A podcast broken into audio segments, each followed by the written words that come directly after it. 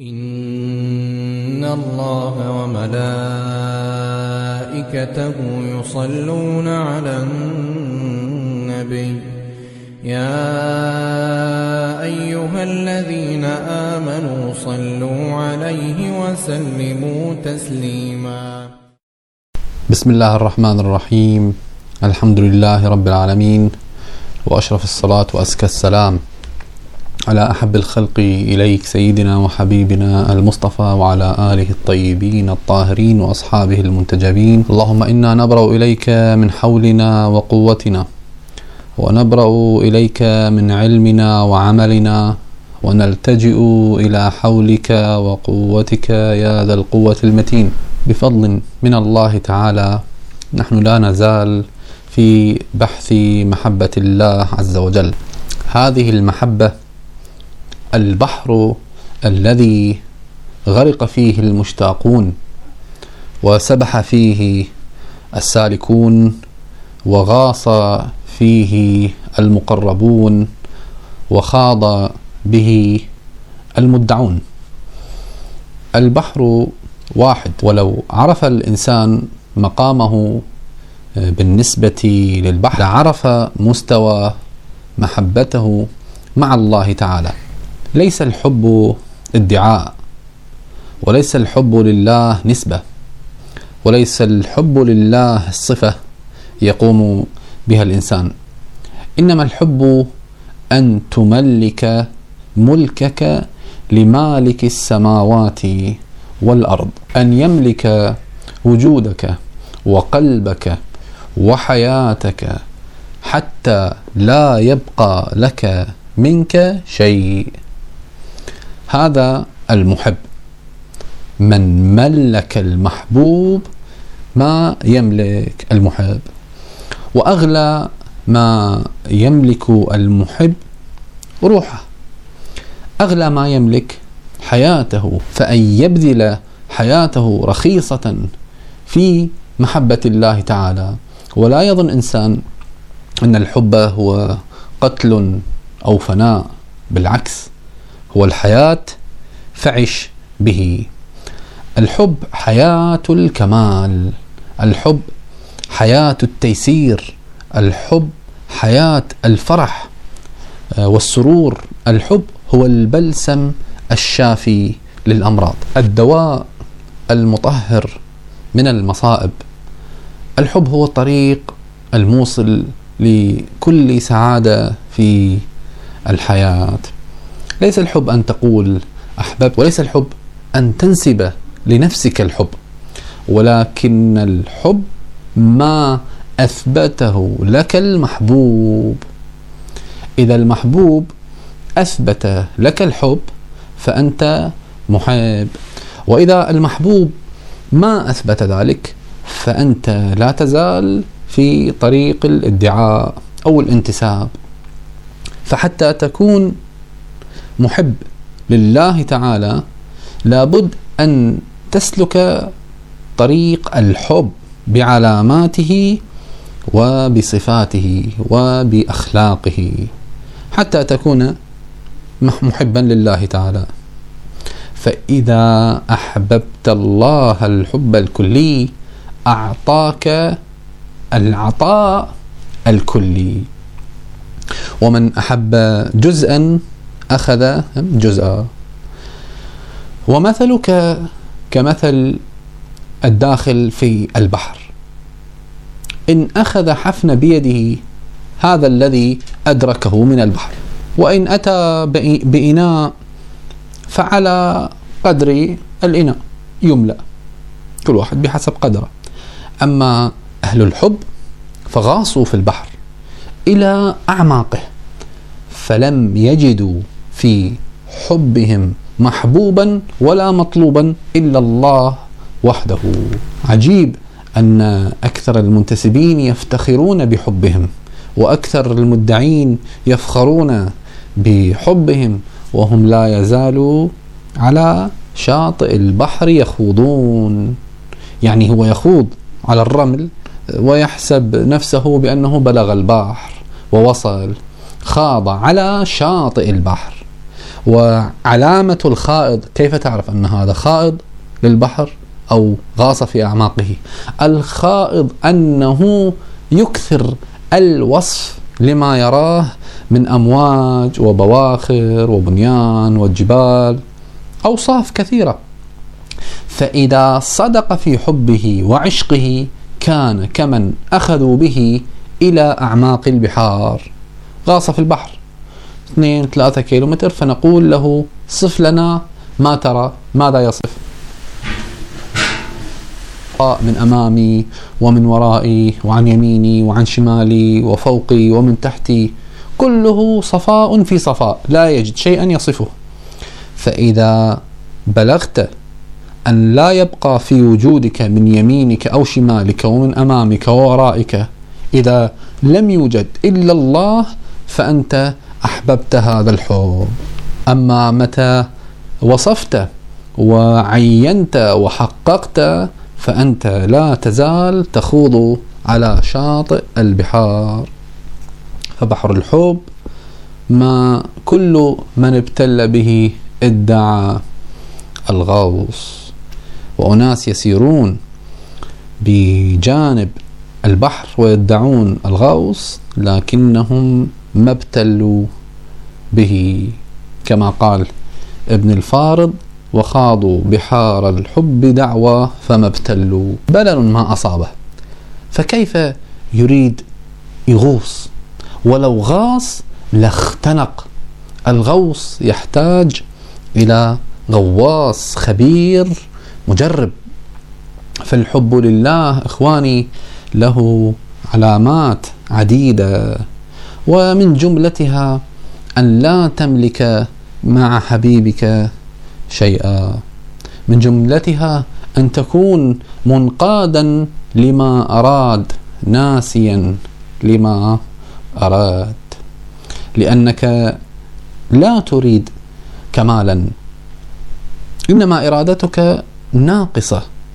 أما لو تقربت إليه وأردت إرادته فإرادة الله لك كاملة. أراد لك أن تكون من المقربين إليه فوجهك إلى طريق الكمال. هذه أعظم نعمة إلهية.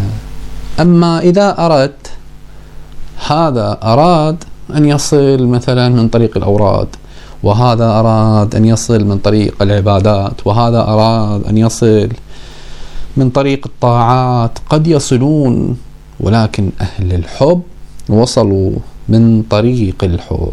طريق مختصر قريب لا شوك فيه ولا آلام في طريقه ولا قطيعة عن الوصول. فمن رزق هذا الحب وصل إلى محبوبه بسلام. فأغلى ما يدرك الإنسان في حياته أن يرزق محبة الله تعالى. فمن علامات محبة الله تعالى أن تكون عن الله راضيا فيما قدر ودبر. راضي عن الله تعالى الرضا صفة أهل الحب. إذا رزق الحب رزق الرضا. ما يفعل به حبيبه يراه كمالا ويراه ارتقاء. بينما الغير يرى البلاء يراه نكبة ومصيبة أهل الحب. يرى الفعال بالكون هو الله وحده. قال لا إله إلا الله وثبت عليها. قال لا إله إلا الله وعلمها يقينا كما أمر الله تعالى. قال تعالى فاعلم أنه لا إله إلا الله. ما قال؟ فاذكر. قال فاعلم. يعني علما يقينيا أنه لا موجود ولا محبوب ولا مطلوب ولا مرغوب ولا معطي ولا مانع إلا الله عز وجل. هذا المحب الذي علم أن كل ذره في الكون هي نسمة من نسمات محبته.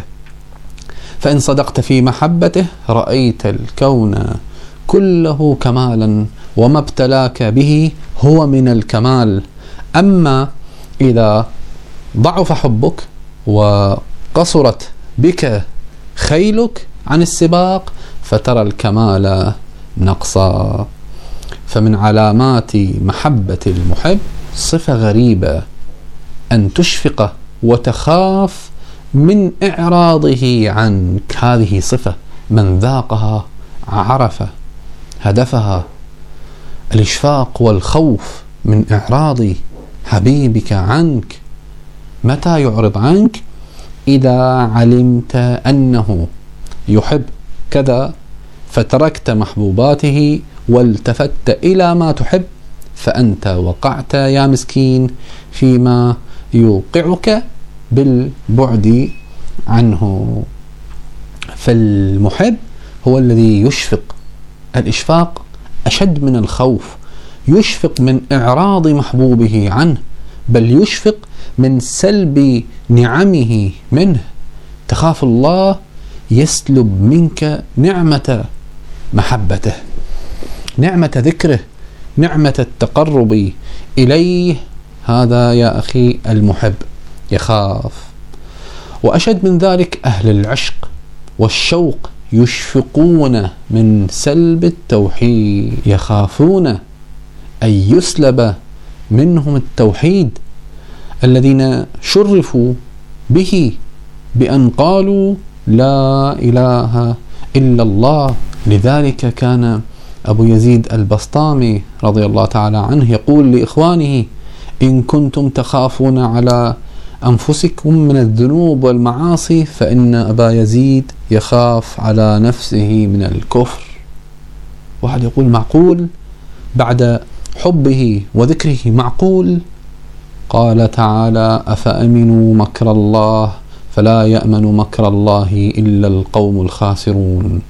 على خوف لذلك العارف بالله تعالى تجده دائما على قدم الخوف قائم. كما كان النبي صلى الله تعالى عليه وآله يقول والله إني لأخوفكم من الله وأشدكم له خشية. وهو رسول الله ويقول ذلك. فكمال الحب أن تخشى من سلب النعم أن تخشى من سلب الفضل من سلب المعرفة أن تخشى من سلب التوحيد. فأنت مثلا تشوف نفسك الآن قائم وذاكر لكن ماذا بعد اليوم؟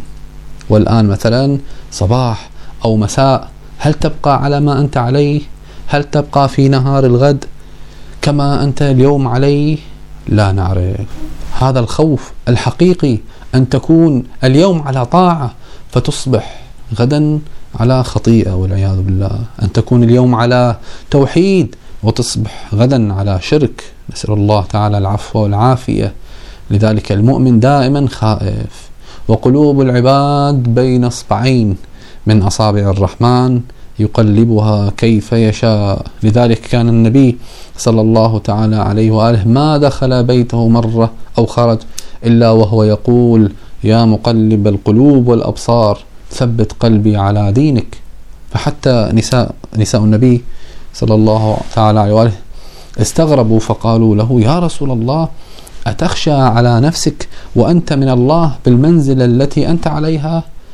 الله جعلك شفيع الخلق جعل مفتاح الجنة بيدك جعلك الهادي للخلق تخاف على نفسك؟ فقال وكيف لا أخشى؟ وقلوب العباد بين أصبعين من أصابع الرحمن.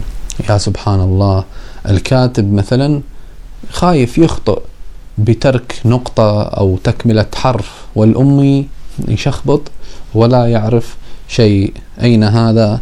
من هذا. أين أهل الكمال؟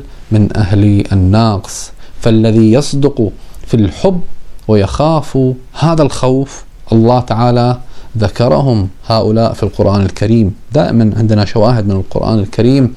بسم الله الرحمن الرحيم قالوا إنا كنا في أهلنا مشفقين فمن الله علينا ووقانا عذاب السموم لما خافوا أعطاهم الأمان أما الآمن فأمامه خوف فالمحب لا يخاف من عذاب حبيبه يخاف من إعراض حبيبه عنه المحب يخاف من التفات حبيبه عنه أن يقطع عنك ذرة مما أعطاك هذا المحب أما الذي ما حاس بالعطاء ولا بالفتح ولا بالذكر ولا حاس بإشفاق وخوف هذا مسكين ما تذوق شيئا من الحب. من الحب يا أخي الكريم أن ترى نفسك محتاج إليه في كل نفس ولا غنى لك عنه. كل نفس أنت محتاج له. فلما يكون كل نفس محتاج له معناها كل نفس يضيع منك فيه خوف عليك. معناها أنت ذاكر لله في كل نفس أنت مع الله في كل نفس أما أن تمر مثلا معك خمس دقائق عشر دقائق وأنت ما حاس أنك بحاجة إلى الله تعالى أنت بهذا الوقت يا أخي ضاع حبك ونسيت وصالك لأنك ما عرفت كيف تصل. ما تذوقت حلاوة الوصال. هذا يا أخي المحب لازم يكون حقيقة بهذه الصفات. دائما خشيته أن يلتفت عنه حبيبه أو يقطع عنه المدد أو يحجبه عن فاتح أو يغلق عنه عطاء. فتجد المحب في كل هذه اللحظات قلق القلب ما لم يطمئن بالله تعالى. فالطمأنينة من باب ذكر الله تعالى فهذه من علامات الحب. ومن بعض أحوال المحبوب أن تقبل عليه بكليتك ولا تشغل عنه بجزء من وجودك بكليتك مقبل إليه.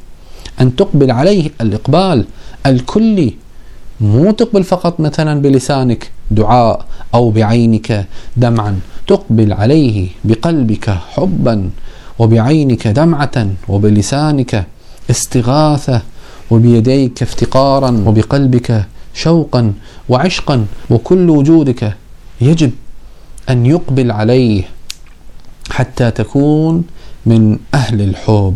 إقبال العطشان على الماء بل أبلغ من ذلك. إقبال فاقد الهواء إلى الهواء شلون الإنسان يكون في مكان مختنق وما عنده نقص في الأكس... عنده نقص في الأكسجين ويخرج من هذا المكان. كيف يقبل على الأكسجين؟ الله تعالى أنت بحاجة إليه أكثر من حاجتك للأكسجين الذي تستنشقه. لأن الأكسجين الذي تستنشقه الله تعالى هو الذي خلقه. من خلق الله. وإذا كان خلق الله تعالى تريد أن تأخذه من عنده فإذا كنت محب له أمدك به. وإذا ضيقه عليك مثلا يسوي لك برئتيك مثلا شوية سدد صار معه ماذا؟ مرض الربو. صار يسعل يزرق. وجهه يريد قليل من الأكسجين. فإذا منع عنك قليل من الأكسجين يهلكك. فكيف لو منع عنك أكسجين الحب أكسجين الفتح أكسجين القرب إليه؟ فماذا يحصل معك؟ فلذلك أهل الحب دائما متذوق دائما متقرب إلى الله تعالى دائما الحب لله دائما أن يكون مع الله تعالى. لذلك أكمل ما يعطى الإنسان في الحياة أن يعطى محبة الله عز وجل. المحبة التي تشغلك عمن سواه وتحجبك عن الالتفات إلى غيره. فلا ترى في الوجود إلا هو ولا تقصد إلا هو ولا تطلب إلا منه ولا تسعى إلا إليه. هذه علامة من علامات الحب. منين جاي يسألونك؟ يقول من عندي. وين رايح إليه؟ أين كنت عنده؟ ماذا تفعل؟ مشغول بحبه. لا ذره إلا وأنت معه. ولعل الإنسان إذا انتسب أن يأتي يوم فيتحقق بما انتسب إليه. ولا تظنوا هذا العطاء بعيد. ممكن يقول واحد أنه أنا متى أصير من أهل الحب؟ متى أخلص للحب؟ متى؟ شوف يقول سيدنا هذا الكلام صعب جدا. يا أخي المؤمن ويا أختي المؤمنة لا تحتاج منك إلا إلى لحظات لا أيام ولا ساعات. لحظات صدق بالتوجه إلى الله تعالى. فإذا صدقت إلى الله بالتوجه فلعل الله أن يبدل شقاءك إلى سعادة بلحظة واحدة. رابعة العدوية ماذا كانت؟ كانت مغنية لكنها بنظرة من بعض أهل الله جذبها قال لها يا رابعة إلى متى تغني؟ ألا تغني على حب الحبيب؟ بعدت عنه لماذا لا تغني؟ عنه فبهذا الكلام شغفت بالله فأصبحت بلحظات انقلبت إلى والهة بحب الله فانية بالله فصارت بكل وجودها متجهة إلى الله تعالى التقت مع بعض العارفين بالله رضوان الله تعالى عليهم فقال بعضهم ببعض من يذكر لنا الصابر؟ قال أحدهم الصبر أن تصبر على قضاء الله. وقال الآخر أن تصبر على البلاء مع الشكر. وقال الثالث الصبر أن تصبر مع الله أن يكون الله معك. وقال الخامس الصبر أن تصبر في الله لله. فقالت رابعة ما أظنكم إلا أنكم غفلتم عن الله. أشد الصبر أن تصبر عن الله. فما تحمل أحد الحاضرين نفسه إلا أن صرخ صرخة ووقع على الأرض مغميا عليه. يصبر عن الله؟ يستطيع؟ تستطيع أن تصبر عن نفسك طرفة عين كيف تصبر عن الله؟ كيف تشغل عن الله؟ هذه هي من حال إلى حال. سبحان محول الأحوال. تحولت. ولما ذاقت علامة الحب كانت تناجي حبيبها بكثير من الأبيات. من جملتهم أكثركم يعرفها أحبك حبين حب الهوى وحبا لأنك أهل لذاك. يعني في حب الميل وفي حب أنه أنت أهل أن تحب ثم تقول فأما الذي هو حب الهوى فشغلي بذكرك عمن سواك. هذا حب الهوى. لم يبقى في قلبها مذكور ولا محبوب إلا الله تعالى. ثم تقول وأما الذي أنت أهل له فكشفك لي الغطاء حتى أراك. الله. هذا أنت أهل. وإذا كشف الغطاء الله أكبر. حتى أراك. حتى ترى من فيوضات أنواره ومن تجليات عطائه ما يشغلك عن كل شيء في الوجود. ثم قالت فلا الفضل في ذا ولا ذاك لي ولكن لك الفضل في ذا وذاك الفضل يعود لله تعالى. إذا صدقت معه جذبك إليه متى صدقت بالتوجه إليه جذبك إليه؟ نسأل الله. تعالى أن يوفقنا وإياكم لهذه المحبة. ببركة الحبيب المصطفى وأهل بيته الأطهار صلوات الله تعالى وسلامه عليهم أجمعين والحمد لله رب العالمين.